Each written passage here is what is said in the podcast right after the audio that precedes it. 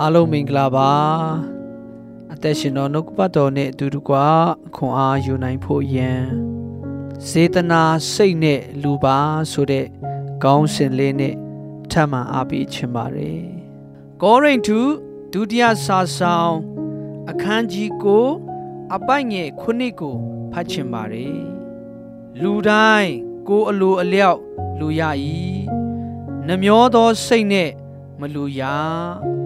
မလူပဲမနေရဟု စိတ်ထင်နဲ့မလူရအကြောင်းမူကားဇေတနာစိတ်နဲ့လူသောသူကိုသာဖယားသခင်နှစ်သက်တော်မူ၏ဒီနေ့ဖျားရှင်ကဘာကိုပြောနေတာလဲဖျားသခင်ဟာကျွန်ုပ်တို့၏အသက်တာတွင်ငွေကြေး ကောင်းကြီးမင်္ဂလာများစွာ ပေးထားပါတယ်ထိုကောင်းကြီးမင်္ဂလာများကို အမိုတော်မျက်၌ပါဝင်ရန်ဖရာသခင်အလိုတော်ရှိပါတယ်သို့တော့ကျွန်ုပ်တို့ပေးလူသောအခါစိတ်ထားမှန်ဖို့လိုပါတယ်နှမျောသောစိတ်နဲ့ပါဝင်လူတန်းချင်းကိုဖရာလက်မခံပါထိုမြမကမလူပေမနေရဟု စိတ်အထင်နဲ့လဲလူဖို့မဟုတ်ပါ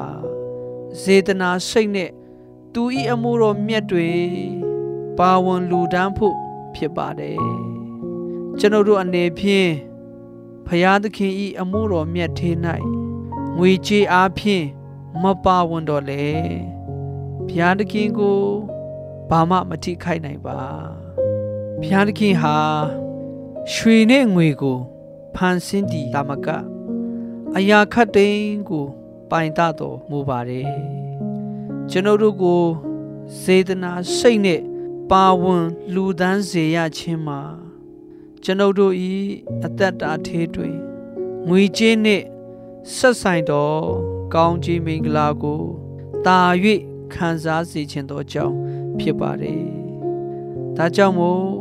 စိတ်နှလုံးပါလက် ပါဝင်လူဒန်းဖို့ရန်လိုအပ်ပါတယ်ကျွန်တော်တို့လက်တွေ့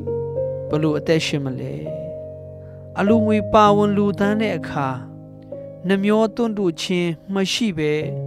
ဇေတနာစိတ်နဲ့ပါဝင်တတ်ဖို့ရင်အရေးကြီးပါတယ်အတူတကွဆုတောင်းကြရအောင်အဖဖျားယုံကြည်သူများဤအသက်တာတွင်ကိုရောဤအမှုတော်မြတ်၌ငွေချေအားဖြင့် ပါဝင်နေရခြင်းသည်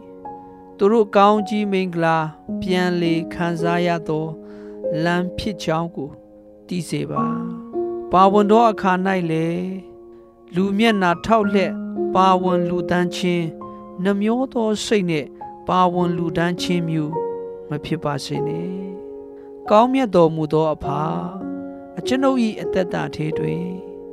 ငွေကြေးအားဖြင့်အမှုတော်မြတ်၌ ပါဝင်ရသောကြောင်းယေရှုတင်ပါတယ်။တာ၍ပါဝင်နိုင်ဖို့မဆတော်မူပါ။စေတနာစိတ်နဲ့ပါဝင်လေအသက်တာကိုဆက်ကပ်တော်သူ ဖြစ်စေပါ။ယေရှုနာမ၌ဆုတောင်းပါ၏ဖျား။အာမင်။အားလုံးပေါ်မှာဖျားရှင်ကောင်းကြီးပေးပါစေ။